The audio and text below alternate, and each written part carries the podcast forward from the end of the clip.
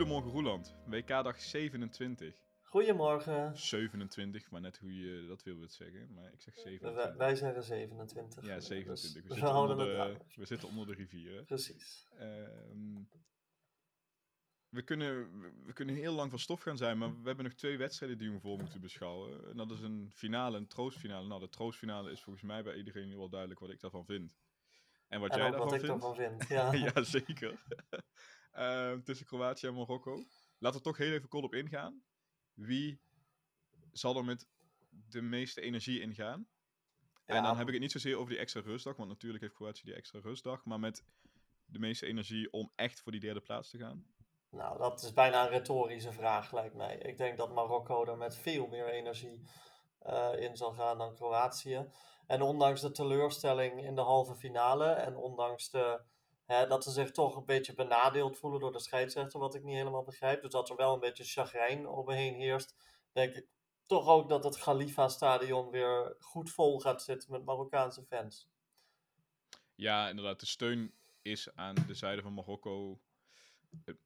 Ik vind dat niet altijd het fijnste woord, maar momentum eigenlijk ook wel toch? Ik bedoel, Ja, jij komt als underdog zijn in dat toernooi in, maak het tot die laatste vier, dan, en je gaat dan tot zo'n troostfinale spelen, dan denk je dat, dan ben je op een gegeven moment niet meer de underdog voor die troostfinale. nee, en ik het zie. Kroatië, de twee wedstrijden die ze gewonnen hebben in de knock-out fase, daarbij was het allebei discutabel van, goh, waren ze wel de betere ploeg? Of nou even tussendoor, ze hebben maar één wedstrijd gewonnen. Oh, in de knock-out fase. In de sorry, ik knock-out heb het fase, goed ja. Nee, in Ja, de knock-out ja. fase.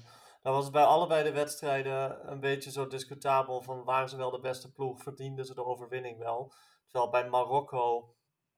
ehm, nou ja, bij Spanje, als je een purist bent, kan je daarover, kan je daarover tobben. Maar Marokko heeft gewoon wel de wedstrijden meer naar zijn hand weten te zetten in de tweede fase van het toernooi. En heeft het ook spannender gemaakt in de halve finale.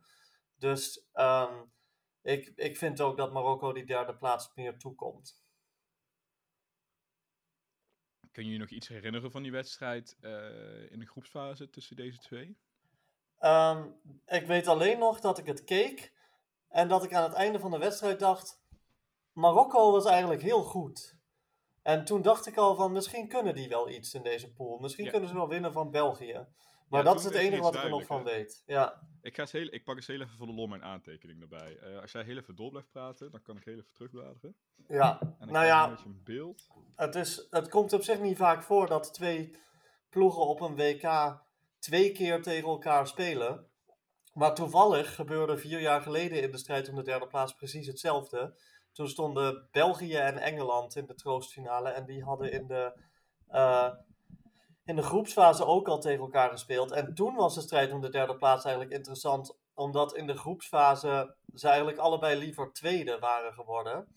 Dus toen was, de, dat was die rare wedstrijd waarbij Batshuayi die bal tegen de paal schoot en hem toen in zijn gezicht kreeg en zo. Ja, Ehm, en eh, dus toen gingen ze in de, eigenlijk in de troostfinale pas echt, nou ja, natuurlijk niet ultiem hard erop, maar wel, toen, toen gingen ze voor het echi, zeg maar.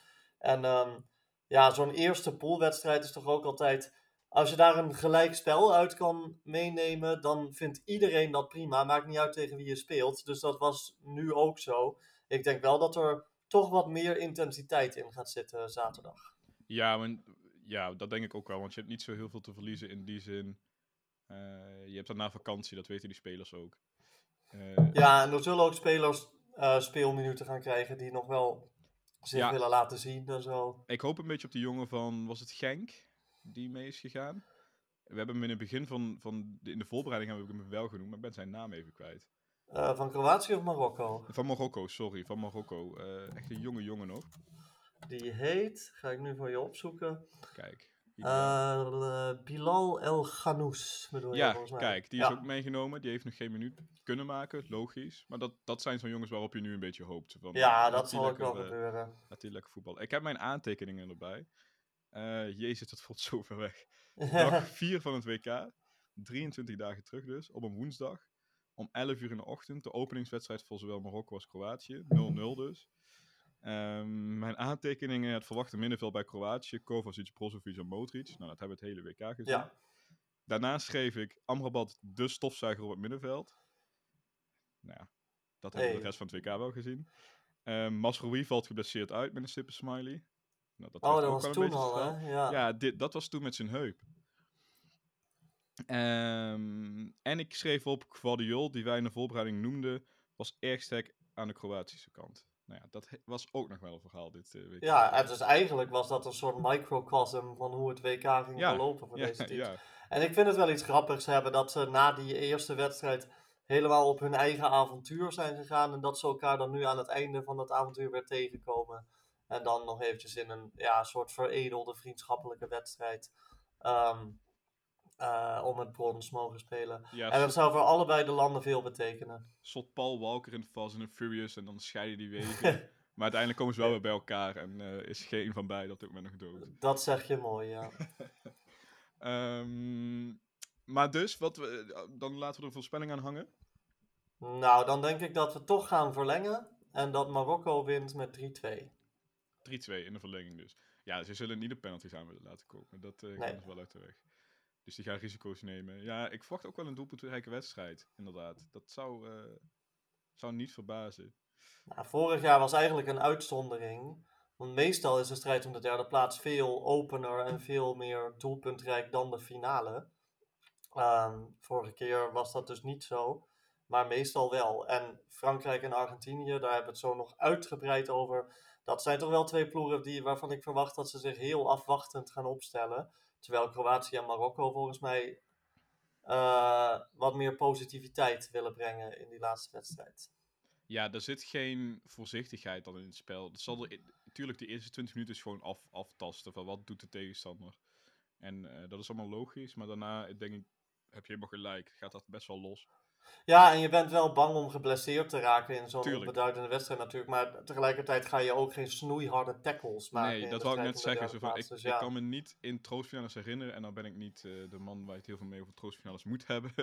maar ehm, dat zijn toch ook wel redelijk fair play wedstrijden. Daar gaan Ja, ze niet zijn- vol meer in. De teams lachen ook altijd met elkaar over en weer. Behalve toen in 2014, toen Brazilië al eigenlijk dood en begraven was. En toen ook nog tegen Nederland die wedstrijd moest Ja, spelen. Nederland sloeg zeg maar het kruis nog even boven op het gras. Ja, Dus, en toen had Brazilië een rode kaart moeten hebben. Maar toen dacht de scheidsrechter ook van ja, dat gaan we ze niet ook nog aandoen. Ehm, dus, eh, maar meestal is het inderdaad hartstikke vriendschappelijk. En, eh, en eh, ja, ik vind het altijd wel leuk om naar te Verwacht- kijken. Maar ik ben ook wel blij dat het EK geen strijd om de derde plaats heeft, bijvoorbeeld. Dat verwacht je inderdaad wel. Het is wel allebei eh, de landen hebben na die halve finale wat zure nasmaak gehouden over die scheidsrechter. Ik begrijp het nog steeds niet zo goed. Kroatië is daar iets begrijpelijker in, maar bij Marokko begrijp ik het eigenlijk Ja, ook dat niets snap van. ik ook niet. Dus wat dat betreft kan het richting de scheids wel nog een dingetje worden. Ik weet niet waar, wie daarvoor aangesteld is hoor. Oh, weet je die Qatarees nog? Ehm eh, Ja. Al Jassim. Ja, hij is de scheidsrechter bij de strijd om Die, de derde plaats. nee, nee, nee, nee. nee Die, dat eh, wat, niet. die deed volgens mij de Verenigde Staten tegen Wales op dag 2. Ja. En toen hebben wij de volgende dag zo zitten lachen over wat voor clown het was. Ja, die, hij heeft de strijd om de derde plaats toegewezen gekregen. Dus ik kan je wel voorstellen dat als Marokko die wedstrijd wint, dat je dan in Kroatië weer gaat horen van ja, maar die wou natuurlijk dat een ander islamitisch land eh, de derde plek zou krijgen en zo. Dus ja, dat soort dingen. Oh nee, dat was die scheidsrechter die echt bij elk punt uit ging leggen. Ja, Dat was dat, dat, ik dacht dat dat die wedstrijd tegen Polen was, want toen zei hij nog tegen Zelensky van... eh, ja, je mag daar niet staan. En dat je Zelensky echt zo kijken, dit heb ik nog nooit meegemaakt. Ik weet echt nee, dat was een andere. Dit, dit was de, de scheidsrechter bij eh, Wales tegen de Verenigde Staten. Ja, zo'n druktemaker. En maar rennen Ja. en rennen. En eh, oh, oh, en die had binnen, binnen 20 minuten had hij al zes keer geel getrokken of zo. Dat is hem. Oh, nee, hoe kan dat? Maar ja, ja, ik was ook wel verbaasd om dat te zien. Maar dus, kijk, dat is wat de FIFA altijd... Ik vind het eigenlijk leuk dat we het nou toch zo lang over de strijd om de derde plaats hebben. Want je kan er wel veel aan... Je, je ziet wel vaak bij de strijd om de derde plaats... Dat wordt toch als een soort van... Ja... Het wordt als een soort prestigeproject behandeld door de FIFA. Ehm, ze geven altijd ook een scheidsrechter... die anders nooit de kans zou krijgen om zo laat in een toernooi een wedstrijd te fluiten. Ehm, die zetten ze daar altijd op, bijvoorbeeld. En ze kiezen er ook vaak een stadion voor uit, nu ook weer, dat een bepaalde eh, sentimentele waarde heeft. Het Khalifa-stadion is het enige stadion dat er al stond toen Qatar het WK toegewezen kreeg. Dat is de enige reden dat de strijd om de derde plaats daar is. Ehm, dus het is allemaal een beetje, ja, een beetje politiek op een bepaalde manier. Nou goed, ik wens ze allebei heel veel succes, succes. En ik verwacht ook wel mag ook komen. Maar, uh, ja, ik denk niet dat we het maandag bij onze grote terugblik heel lang over die wedstrijd gaan hebben. Nee, of het moet 11-10 worden bij wijze van. Ja, precies. En uh, de, de, meest spectaculaire wedstrijd ooit, maar daar ga ik niet vanuit.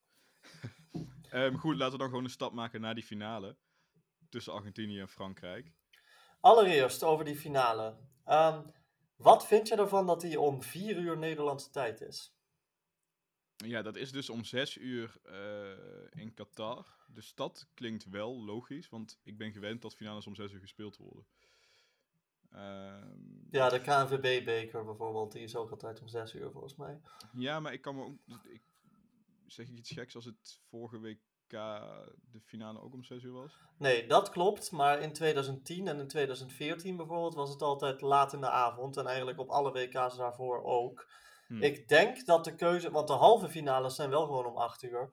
Ik denk dat de keuze voor 4 uur, dat dat gewoon een soort kijkcijfer maximalisatie is vanuit de organisatie. Dan kan je heel, dat kan je heel wollig verpakken door te zeggen van oh, ze willen dat zoveel mogelijk mensen wereldwijd op een zo handig mogelijk tijdstip uh, in staat zijn die finale te kijken. Maar de, je kan het ook cynischer benaderen door te zeggen: ze willen zo, zo, dat zo weinig mogelijk mensen midden in de nacht deze wedstrijd hoeven aan te zetten. En dat ze dus zoveel mogelijk kijkcijfer, geld binnenkrijgen, sponsoring, dat soort dingen. Maar ik vind het zelf wel een beetje afdoen aan de sfeer. Maar is dat zo? Is dat zo, hoe meer kijkers er zijn, hoe meer jij uiteindelijk betaalt voor wat je op die borden uh, uh, presenteert als reclame zijn? Of betaal je gewoon vooraf een vast bedrag? Uh, als dat zo is, dan vraag ik me af waarom ze opeens geswitcht zijn naar zo'n ja, middagtijdslot, toch eigenlijk? Kijk, er is toen wel bij de Champions League finale, die werd ook gewoon eigenlijk altijd op woensdag gespeeld. En het zit nu sinds een jaar of zeven, misschien wel acht al, is dat naar die zaterdagavond verplaatst. Uh, zodat ook kinderen dat kunnen zien. Nou, dat is natuurlijk gewoon onzin. Dat is gewoon zodat er meer mensen kijken en je meer uh, uh, advertentiemogelijkheden hebt. Want het is gewoon een in interessant moment om te adverteren op een zaterdagavond. Maar in deze weet ik niet helemaal. Ik, ik, nou, ik weet niet of ik dat helemaal nu zo denk. Ik denk echt dat het wel een beetje is zodat zoveel mogelijk mensen het kunnen zien. Daar geloof ik wel in. Ja, dat, zou ook wel zo kunnen zijn, want het is in principe het enige deel van de wereld wat echt genaaid wordt door dit tijdstip, is Oceanië. En, uh, hè, want voor uh, Noord- en Zuid-Amerika is het nu ochtends, de WK-finale. En voor Azië, Oost-Azië, waar toch een enorm deel van het voetbalkijkend publiek ter wereld woont, is het laat op de avond. Um, dus ja, je zou daar ook met een normaal tijd. Misschien zijn ze bang om in landen als Indonesië en China en zo um, kijkcijfers te verliezen. Maar anders, uh, anders is het misschien wel gewoon een, uh, een liefdadigheidsactie. Dat zou zomaar kunnen. Ja, een beetje coulance dingetje. Ik weet ik heb geen idee hoor, maar... Ik vind het jammer in elk geval, daarom ben ik ter sprake. Ja, ik wilde de vraag stellen, van, vind jij het dus jammer? Jij ziet het liever om zes of om acht of zo? Ja, de finale van het EK. Kijk, het EK haalt al, bijna al zijn kijkcijfers uit Europa. Dus dan maakt het niet uit als de wedstrijd s'avonds is. En dat is toch meer. Dan is er meer die anticipatie de hele dag. En dan is de finale ook een beetje het laatste moment van de dag. Maar nu begint het nieuwe seizoen heel Holland bakt na de finale van het WK. Dat vind ik dan toch een beetje een soort rare afterglow. Nou ja. Ja, je kunt de ene competitie eindigt, eh, de enige, ene gigantische competitie eindigt en de andere, andere gigantische competitie opent. Juist. maar ja, heel Holland bakt. um, jij wil het over uh, Frankrijk-Argentinië hebben in 2018. Ja. Um... Wie, wie won toen heel Holland bakt? Geen flauw idee. um, even kijken. Frankrijk en Argentinië speelden vier jaar geleden op het WK ook tegen elkaar. Dat was destijds, nou ja, ik denk volgens heel veel mensen de leukste wedstrijd van het toernooi. De eindstand was in ieder geval 4-3. In de achtste Fransen. Ja. Um, en Argentinië stond eigenlijk wat onverdiend in die achtste finale. Want in de pool leek het helemaal nergens op Maar toen ehm, had ze Met dat toch 3-0 dankzij Messi... Kroatië. Ja, precies. Gelijkspel tegen IJsland. En toen ehm, eh, hebben ze uiteindelijk gewonnen van een Nigeriaanse ploeg waarvan sterspeler Obi Mikel, de, eh, John Obi Mikel, de hele wedstrijd lang speelde in de wetenschap dat zijn vader was ontvoerd door ehm, eh, soort vigilantes of zo. Dus daarom speelde hij ook heel slecht. En ehm, dat was die wedstrijd met die middelvingers van Maradona en zo. Nou, allemaal hij staat door een prachtige goal van Messi winnen ze uiteindelijk nog. En toen moesten ze tegen Frankrijk in de achtste finales. En daar begonnen ze eigenlijk pas met voetballen, want het werd 4-3. Ehm, en als je naar de opstellingen uit die wedstrijd kijkt, dan valt er wel iets, eh, iets op aan de afgelopen 4,5 jaar die die beide landen gehad hebben. Ja, laat, begin even bij Argentinië, want dat is wel de meest interessante, vind ik. Ja, bij Argentinië stond op doel Franco Armani. Met in de verdediging Taliafico, Rojo, Otamendi en Mercado. Op het middenveld Ever Banega, Mascherano, Enzo Perez. En in de aanval Angel Di Maria, Lionel Messi en Pavon ernaast. Ehm, van die spelers heeft eigenlijk... Nou, Messi heeft zijn basisplaats uiteraard behouden. Taliafico ook, hoewel die niet standaard in de Hij is niet basis staat. onomstreden, inderdaad. Nee, is- en Otamendi. Otamendi staat ook in de basis. En ja, er wordt gezegd dat Angel Di Maria wel weer gaat beginnen. Ehm, zondag, maar dat moet ik eerst nog maar zien. Het zijn dus in elk geval drie van de elf spelers die ehm, eh, ook deze finale weer zullen aantreden. Bijna al de spelers die ik net heb opgenoemd zijn er ofwel omdat ze met pensioen zijn gegaan, ofwel omdat ze gewoon gepasseerd zijn, niet meer bij. En de keeper Franco Armani zit op de bank zondag. En volgens mij zijn dat de enige overeenkomsten van het hele tussen de beide elftallen. Ja, die hebben echt een transformatie om, ondergaan. Ja, dat in moest ook 4,5 wel. tijd. Ja, dat Want dat. Argentinië van 2018 was echt niet om aan te zien. Nee, maar als jij Rojo in de verdediging hebt staan, die van Ja. United. ja. Ik weet Ja, daar ben ik ook nooit fan van geweest. Ehm Oh, hij voetbalt nu bij Pavon Boca. naast Messi. Ah, dat vind ik dan wel weer een mooie club. Ja, dat is wel leuk. Eh, ja, Mascherano nog. Ik wist niet eens dat hij. Ik was al lang weer vergeten dat hij überhaupt nog speelde op dat WK. Enzo Perez. Ja, dit is, het is een totaal andere ploeg dan we te zien krijgen. En ehm, dat is niet allemaal door Scaloni omgevormd. Maar hij heeft wel. ehm, hij heeft er wel een heel grote hand in gehad. In die transformatie van het Argentijnse nationale team. Hij heeft echt duidelijk. Hij is duidelijk meer gaan kijken naar welke spelers werken goed samen in een elftal. En ehm Jorge Sampaoli was de coach in 2018. Hij was duidelijk meer van de individuele mannetjes. En we maken er samen het beste van. Maar het beste was dus niet zo goed.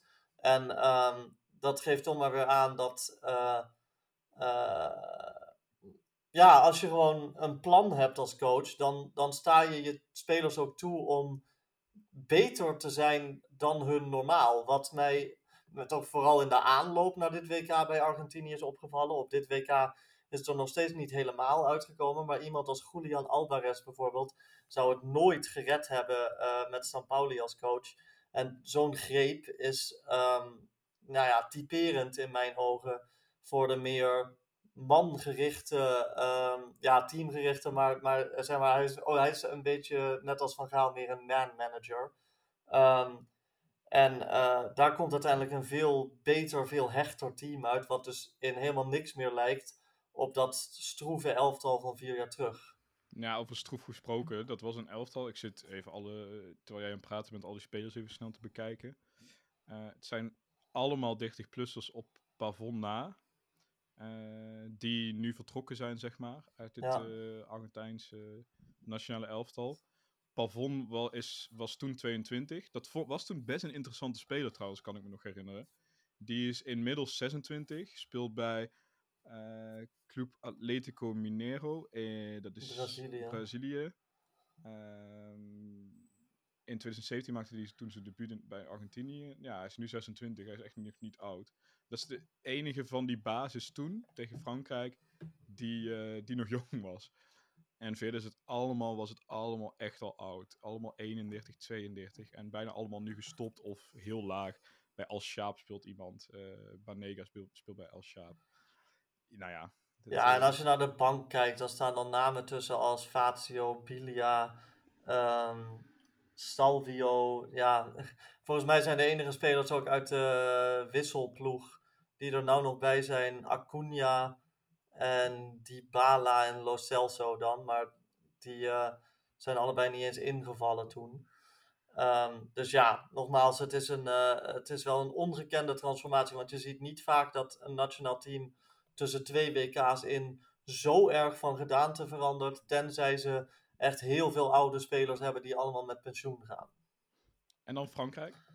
Ja, nou Frankrijk, daar, die hadden destijds als opstelling eh Loris op doel. Met Pavard, Varane, Umtiti en Lucas Hernandez in de verdediging. Op het middenveld natuurlijk Pogba en Kanté. Met Mbappé, Griezmann, Matuidi en Giroud in de aanval. En als je dat gaat vergelijken met het team dat er nu staat, dan is eigenlijk de enige speler die gepasseerd is en niet meer in, het, in de selectie zit, Samuel Umtiti. Matuidi is met internationaal pensioen gegaan, dus die is er ook niet meer bij. Maar alle andere spelers die niet overeenkomen met wat er nu bij Frankrijk op het veld staat, eh, Pogba en Kanté zijn geblesseerd en Lucas Hernandez is dat ook, dus die zit er door noodgedwongen niet meer bij. En oké, Pavard is geen basisspeler meer, maar hij zit wel nog op de bank bij Frankrijk. Dus de, de kern van dat elftal, eh, met Varane, Loris, Mbappé, Griezmann en Giroud, ongeveer de hele as, is wel hetzelfde gebleven. En het grootste deel van de afwezigen staat er dus noodgedwongen niet op.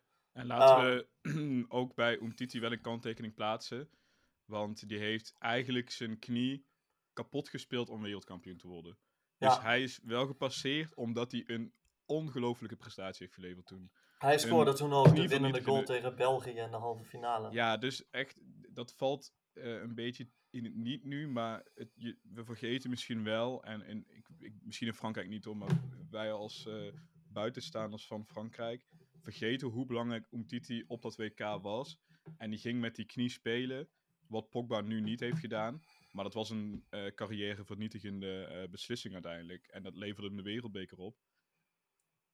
Maar dat, daardoor, mist hij, ja, daardoor is hij er nu nooit meer bij. Zal er nooit meer bij zijn. En zal hij nooit meer op niveau komen.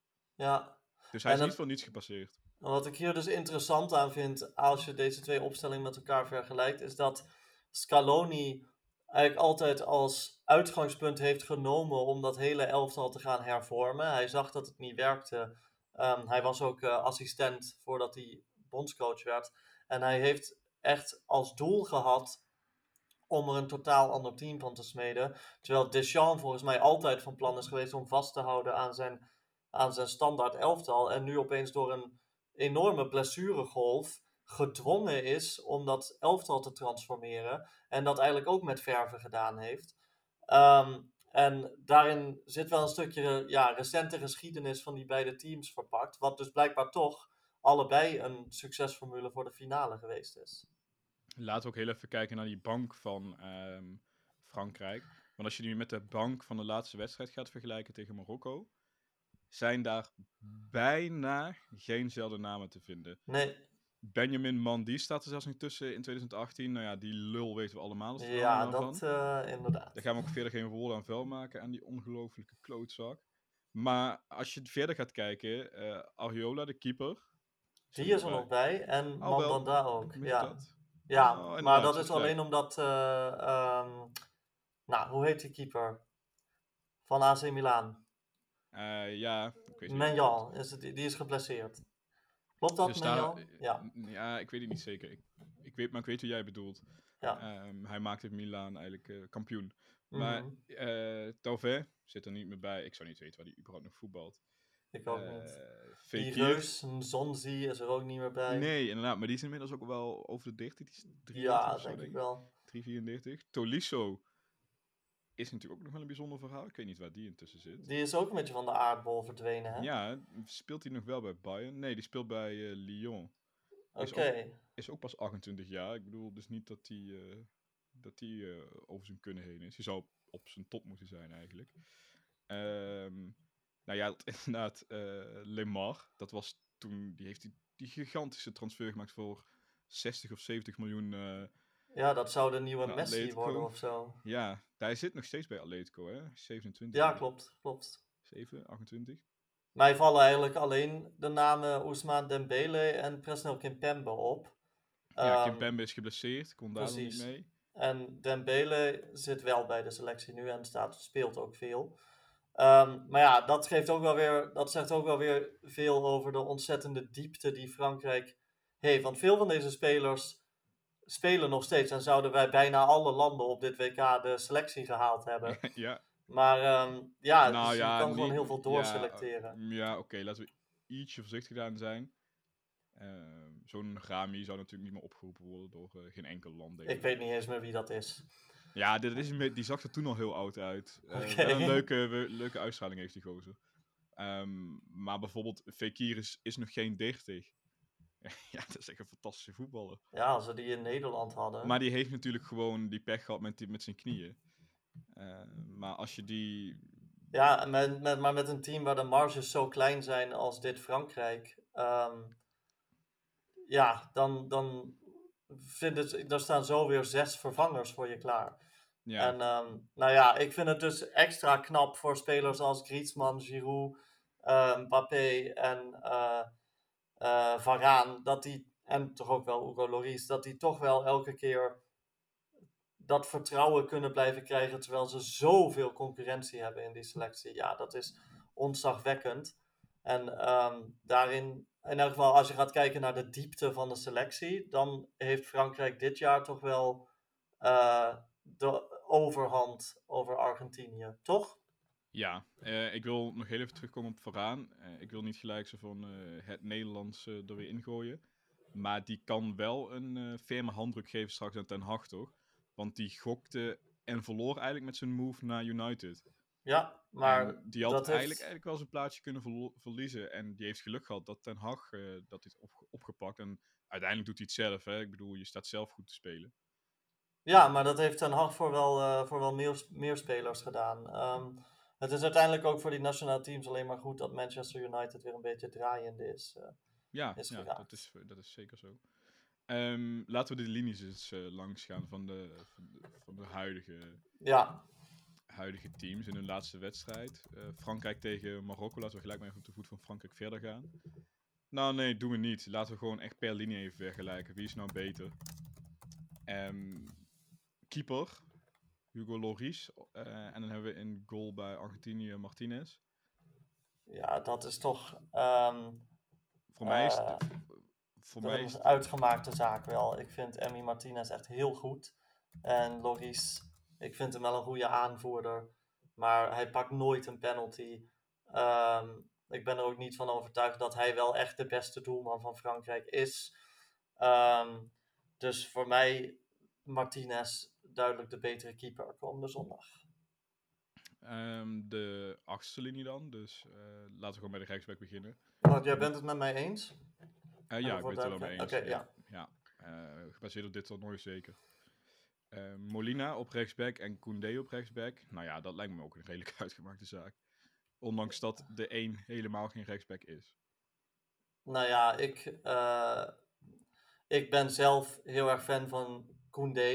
Ik vond wel die goal van Molina tegen Nederland eh, een mooie shining moment. Mhm. Dat is waar.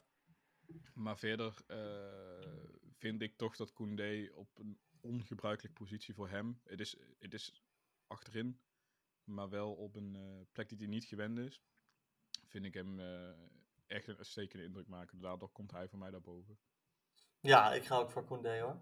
Ehm, dan op eh rechts centraal Varaan en bij Argentinië Romero. Nou ja, dat is voor mij Varaan. Duidelijk vooraan. Ja, Ja. daar hoeven we niet heel veel woorden aan vuil te maken. Deze is iets lastiger, want in die laatste wedstrijd van Frankrijk stond hier Konaté. Hier staat normaal Upamecano op die linker centrale positie achterin.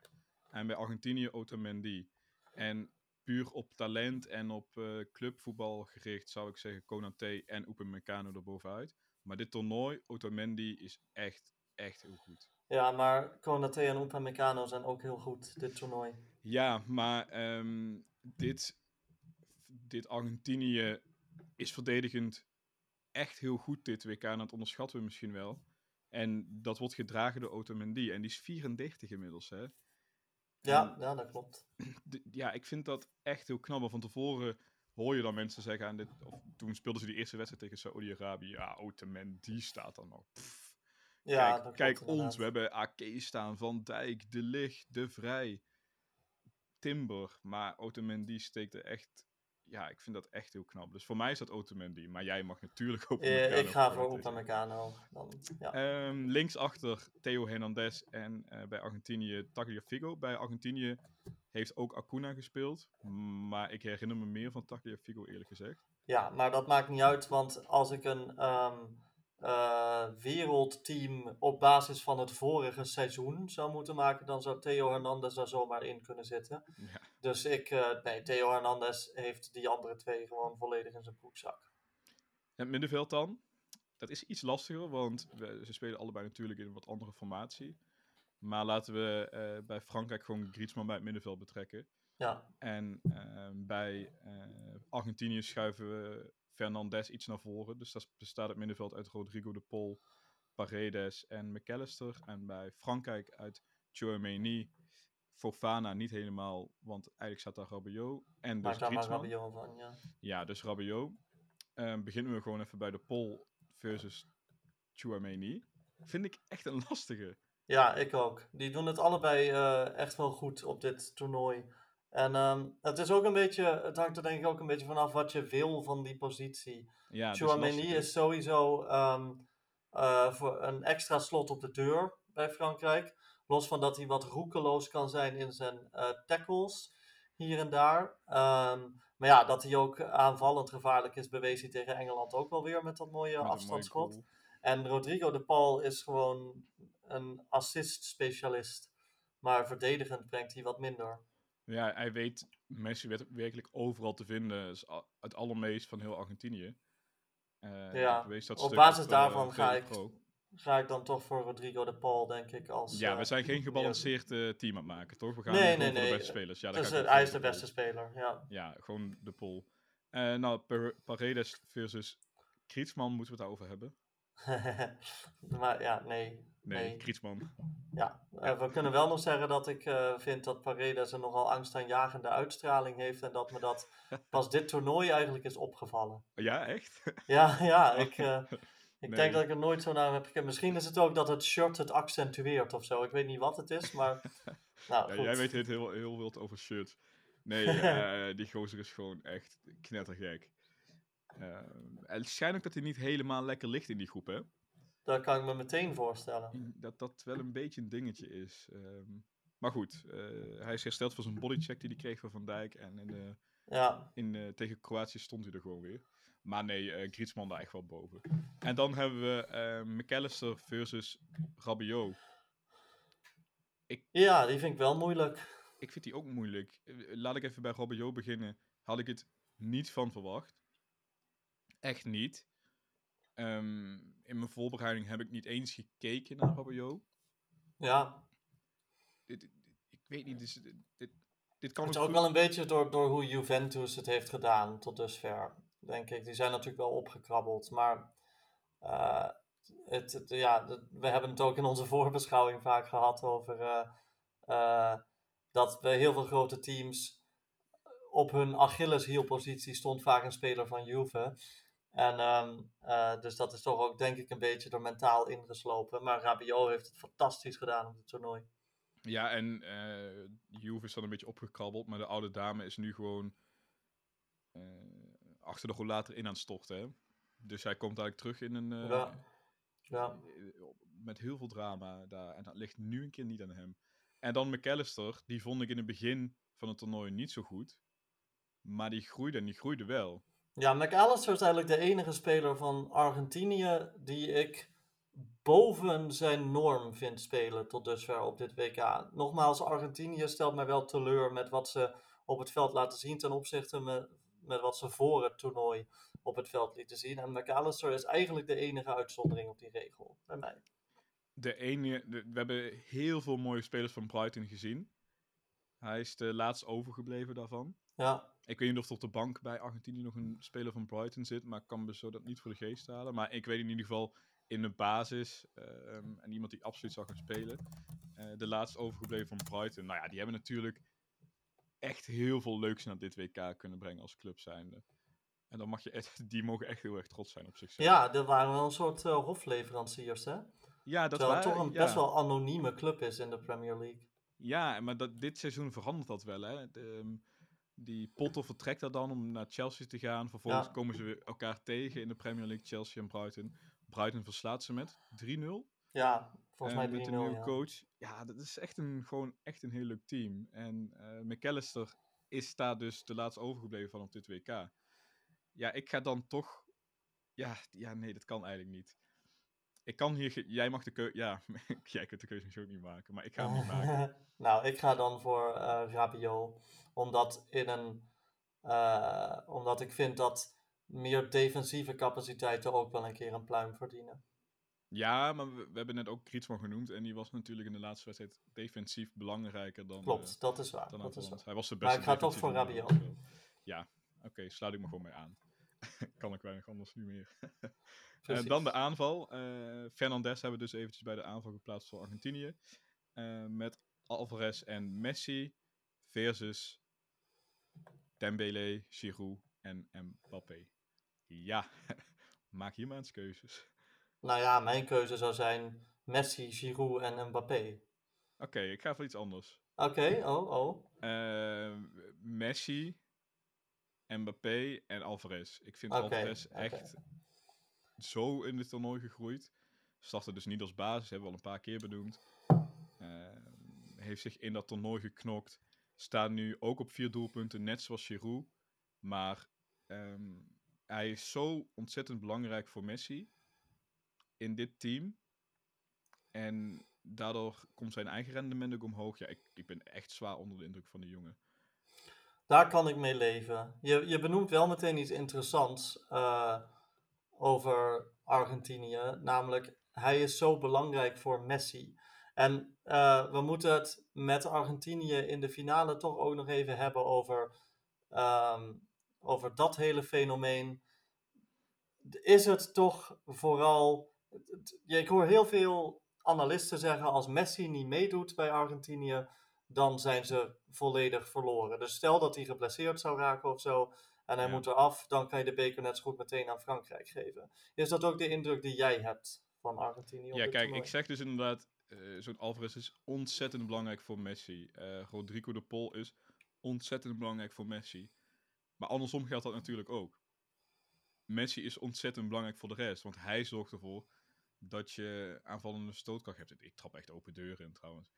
Maar dat, dat de ballen kwijt kunnen en eh, die laat zich uitzakken. En dat, dat, we hebben het over, iedereen heeft het over lopen, maar hij laat zich echt wel degelijk veel uitzakken.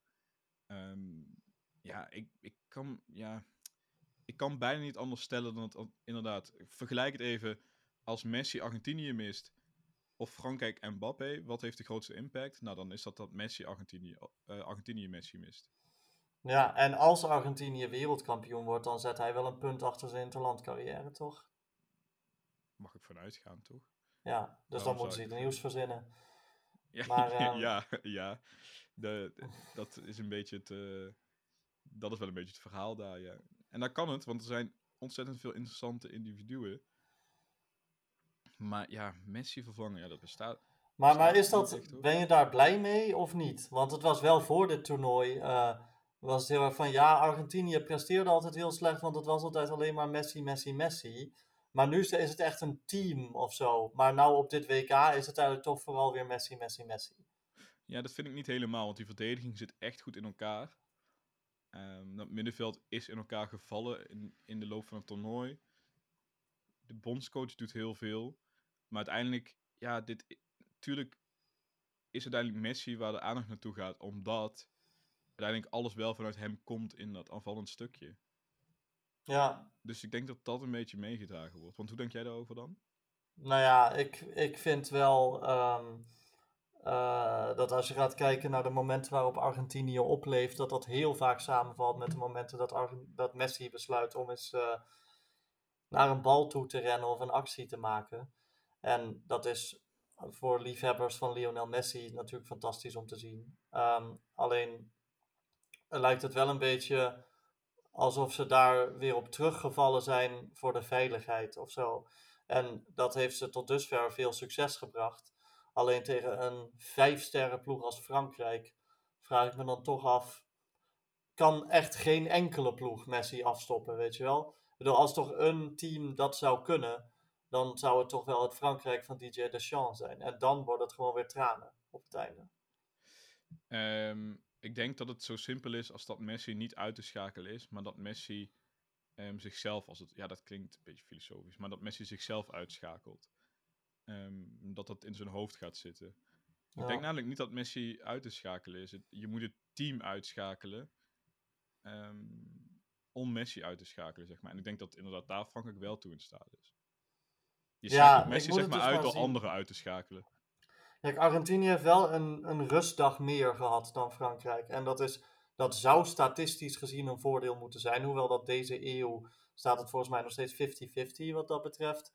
Ehm, dus dat is een voordeel dat ze hebben. Maar toch heb ik wel het idee dat Frankrijk, nu ze zo ver gekomen zijn, het ook gewoon gaan afmaken. Weet je wel? Dat die klus. Ja, want dat is het bijzondere aan deze finale. Uh, vier jaar terug, Frankrijk-Kroatië, had je uiteindelijk wel het idee ja, dit, dit, dit wel gewoon voor Frankrijk. Maar hier, ik zou het eerlijk gezegd echt niet goed durven zeggen hoor. Er zijn heel veel mensen die het wel zeker weten. Hè? En dat vind ik jammer voor Argentinië. Als ze wereldkampioen worden, dan hebben ze in de ogen van heel veel mensen wel heel erg de scheid tegen. Want het idee dat Argentinië continu gematst is door de arbitrage op dit uh, toernooi is wel heel erg gaan opleven. Er zijn bij elk tv-station wereldwijd wel um, uh, mensen die dat roepen, behalve in Argentinië en in Spanje.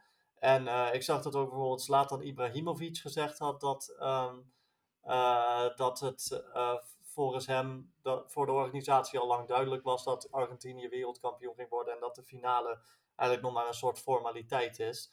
Zelf, um, kijk, wij zijn natuurlijk ook uitgeschakeld door Argentinië. En in Nederland hoor je dat sentiment ook heel veel. Um, met name door die penalty, denk ik. En ik weet het niet zo goed. Ik denk tegelijkertijd ook van ja, maar hoezo hebben ze dan van Saudi-Arabië verloren in de eerste wedstrijd? En hoezo gaf de scheidsrechter dan 10 minuten blessuretijd tegen Nederland? Het zijn toch, volgens mij worden dat soort dingen wel een beetje over het hoofd gezien.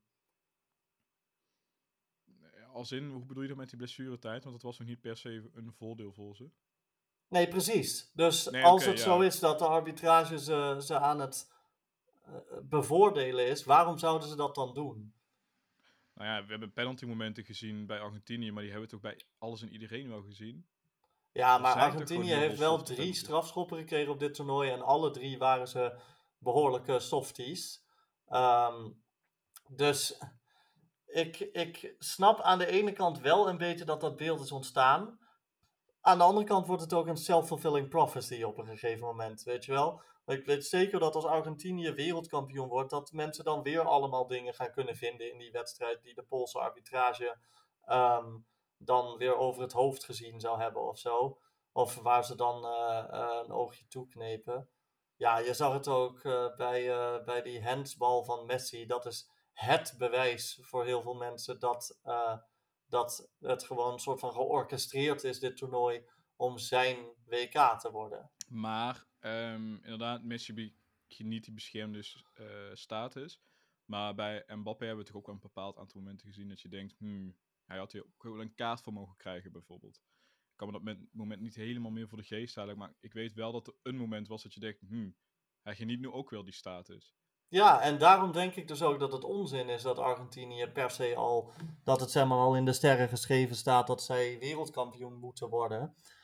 Um, maar ik, um, wat ik wel geloof is dat, dat, er een, uh, dat er vanuit Qatar de absolute voorkeur was om ofwel Messi ofwel Mbappé met die trofee in handen te zien staan. Want dat is technisch gezien gewoon echt voordeliger. Want ze dragen die namelijk al op het shirt. Uh, ze zijn daar, dus ze zullen niet zo streng zijn over Qatar. Het staat gewoon lekker. Hey, kijk, de beste voetballer ter wereld. Want dat zijn ze op dat moment als ze de wereldbeker winnen. Ehm, heeft die trofee vast in Qatar en draagt, voor, gedraagt in januari ook weer het shirt met Qatar erop. daar hebben ze wel baat bij gehad, denk ik. Dat geloof ik wel. En, maar nu staan ze allebei tegenover elkaar. Ja, dan kan het ze niet meer zoveel schelen, denk ik. Wie het nu wint. Nou, ik denk toch dat, het ze, dat ze wel willen dat Argentinië wint. Maar het is de vraag of ze. Het is zo lastig. Ik, want ik probeer in deze podcast de hele tijd wel eerlijk te zijn naar de Qatarese autoriteiten toe. Maar we weten inmiddels ook dat ze gewoon leden van het Europees Parlement omkopen. Dat zijn Ja. dezelfde mensen. Dus waar, hoe, hoe weten we zo zeker dat, dat er geen scheidsrechters eh, betaald zijn of zo? Da- daar schromen ze overduidelijk niet voor. Nee, in dat daglicht heb je absoluut. eh, nou ja, heb je absoluut gewoon een punt. Want als er iemand uit een Europees parlement, een Griekse vrouw, eh, omkoopbaar is, dan is een Poolse scheidsrechter dat ook. Ja, en, en aan de andere kant, dat vind ik dus een beetje bij alles wat met Qatar te maken heeft op dit WK. Het is ook een beetje, als je bij alles er gewoon van uitgaat dat het wel weer doorgestoken kaart zal zijn, of dat er wel weer een soort, eh, dat, het wel weer, dat er wel weer dingen in de doofpot gestopt worden of zo, dan is dat ook oneerlijk tegenover de teams die, die succes behalen. Ehm, en ik, ik weet gewoon nou al zeker dat als Argentinië wint zondag, dat dan heel veel mensen gaan zeggen van ja, dat kon ook niet anders, want de scheidsrechters zijn betaald om dat zo te, te maken en zo. Dat zou ik ook wel lullig vinden voor Argentinië. Ja, ik denk persoonlijk zelf dat Argentinië er echt maal, malingen heeft. Dat die echt Nee, dat ja, natuurlijk, dat natuurlijk. Ik bedoel, als wij op zo'n manier wereldkampioen zouden worden, zou dat ons ook helemaal niks interesseren. Nee, dan denk je, ja, schreeuw maar, boeien. Eh, je doet maar. Dat zal ze echt eh reet roesten. Maar ja, er zit wel een kern van, het, het, het kan. Het is niet... Normaal, als je in het clubvoetbal zou zeggen, zou ik zeggen, ja, doe eens gewoon normaal. Waar heb je het over? Maar ja, je staat nu in Qatar en we hebben gezien deze week wat Qatar in staat is, ook in een Europees parlement, samen met Marokko overigens. Maar ja, dan is een eh, scheidsrechter ook omkoopbaar, zeker. En dat was in het verleden ook al, en toen waren de belangen heel, minder, heel wat minder groot. Ja, nee, klopt. Welke spelers staan er nou zondag op het veld die volgens jou kans maken op de gouden bal voor speler van het toernooi? Messi, Griezmann, Mbappé. En eh, ja, dat zijn ze wel voor mij. Ja, het is eigenlijk te hopen dat je hem niet wint, hè? Die gouden bal. Ja, want als je hem wint, dan verlies je de finale. Precies, dat is meestal de tendens. Had, dat geluk hadden wij dan toevallig weer niet eh, als Nederland. Maar in 2014 won Messi de gouden bal. In 2018 won Modric de gouden bal. Eh, het lijkt alsof de gouden bal altijd wordt uitgereikt aan de sterspeler van de verliezend finalist. Als een soort troostprijs Nou of ja, zo. in 2010 was het Vollan. Die Ja. heeft niet eens, niet eens de finale gehaald. Toen had hem natuurlijk gewoon moeten krijgen, maar goed. Ehm, nee, nee, wat bij mij betreft inderdaad eh, Messi, eh, Mbappé of eh Griezmann. Ja, en als. ik kan me heel goed voorstellen als Argentinië kampioen wordt, dat dan uiteindelijk Griezmann met de gouden bal en Mbappé met de gouden schoen staat. En ehm, eh, dan dat het ze allebei helemaal niks interesseert. Dus ik snap ook niet waar dat, waar dat over gaat. Het is niet alsof het die spelers echt uitmaakt. Je hoort Messi nooit zeggen, nou ik ben wel heel blij dat ik de gouden bal gewonnen heb op het WK 2014. Wat totaal onterecht was trouwens. Ehm, Nee, dat boeit hem niet, want ze zijn geen wereldkampioen geworden. Maar toch weet ik zeker dat de FIFA daar weer mee doorgaat. Ja, het zijn ook gewoon niet zo'n hele... Ja, persoonlijk vind ik het niet zo hele interessante prijzen. Dit- Nee, nee, ik ook niet. Ik vind wel de gouden schoen voor topscorer van het WK. Dat is wel een mooie prijs om in je. Zeker, ja. maar ja, die zeker. andere zijn zo arbitrair. Kijk, topscorer, daar kan je nog onderbouwen met statistieken. Weet je wel. Maar anders is het maar gewoon een beetje. eh, wie de FIFA het het meest gunde. Ik weet zo, het ja. eigenlijk niet. Jij weet het vast wel. Eh, als je gedeeld topscorer bent, krijg je dan allebei? Of moet je de schoen dan in... in- Nee, er wordt allereerst gekeken naar hoeveel goals er uit strafschoppen vielen. Daarom Ah, als eh, Messi en Mbappé gelijk eindigen is Messi eigenlijk screwed. Want ehm, ja, dat, hij heeft wel wat penalties gescoord op dit toernooi. En daarna wordt er gekeken naar de hoeveelheid speelminuten die je nodig hebt gehad om dat eh doelpuntenaantal te maken. Nou, volgens mij zit het daar wel redelijk op één lijn. Want ik kan me niet herinneren dat... Ah, en Mbappé heeft trouwens minder minuten nodig gehad. Want die heeft toen die wedstrijd eh, tegen Ja, toen is hij ingevallen. Ja, Ja. dus dat zal dan eh, ook in zijn voordeel, zijn. Goed. Wil je, er een wil je er een voorspelling aan hangen? Met Ehm, scoren. Nou, ik vind, meer, een- ik vind een voorspelling van wat voor wedstrijd het wordt interessanter. Eh, volgens mij wordt het heel erg cagey en heel erg, nou, niet heel erg gewelddadig. Het zal echt niet erger worden dan bij Nederland-Argentinië. Maar ik denk wel dat de gemoederen hoog op gaan lopen. Ehm, ik denk ook dat we voor het eerst. Kijk, in, in deze wedstrijd. We hebben dit hele toernooi lang bij Frankrijk een beetje zo'n air gezien van. eh, ja, we zijn al wereldkampioen. Maar het zou op zich leuk zijn als we nog een keer wereldkampioen gaan worden. En ik denk dat we nu wel een kleine mentaliteitsshift gaan zien. Nu ze ook echt in die finale staan van ja, maar ho eens even, wij staan hier nu. Wij gaan nou echt wel wereldkampioen worden. Eh, dus eh, kijk maar uit Argentinië. En nou, bij Argentinië staan sowieso elf driftkickers op het veld. En langs de lijn ook allemaal. Dus ik denk dat we wel een hoop gele kaarten gaan zien. Dat er weinig gescoord gaat worden. Heel afwachtend voetbal. Een wedstrijd die lang de minuten ziet wegtikken. Met uiteindelijk een heel late beslissing in het voordeel van Argentinië. En, nou, en dan ga ik het nog dramatischer maken door een discutabele scheidsrechtersbeslissing. Daar ga ik niet zozeer op in. Ik denk wel dat er hier iemand eh, zijn, eh, zijn rust gaat verliezen en eh, een rode kaart pakt. à la dat, nou, misschien hoop ik er ook wel een beetje op. à la Zidane in eh 2006. Ja, dat zou Dan zou het zijn. eh, qua Zidane en eh, hoe je dat, dan zou het poëtisch zijn als, dat, als dat Messi is. Maar ik zie dat eerder bij een eh, Fransman gebeuren. Ja, ik ook. Die laten zich gewoon gek maken door die Argentijnen. En dan gaat iemand uit zijn slof of zo.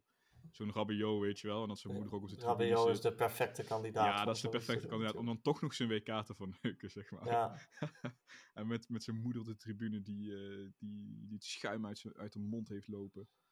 Ja, dat, dat, eh, daar hoop ik een beetje op. Ik gun het Ik- niet. Ik gun het niemand. Maar dat, als neutrale kijker hoop je dat toch wel een beetje. ik heb wel, wel gewoon het gevoel dat het op zo'n manier gaat verlopen dat het echt heel hard gaat aankomen bij de verliezende ploeg. Dat het echt zuur wordt. Dus niet zoals vier jaar geleden dat Kroatië toch stiekem ook wel zoiets gehad zou hebben van oké, was dat nou echt hands bij die penalty, maar ze waren wel een stuk beter dan wij. Dus eh, we kunnen hier wel vrede mee hebben. Nee, ik denk dat het toch echt meer Nederland-Spanje 2010, nationaal trauma, dat soort dingen gaat worden. We zullen zien. Eh, ik ben echt, ik heb er nu ook heel veel zin in. Ik had er iets minder zin in. Ik had zoiets van, nou, oké, kom maar.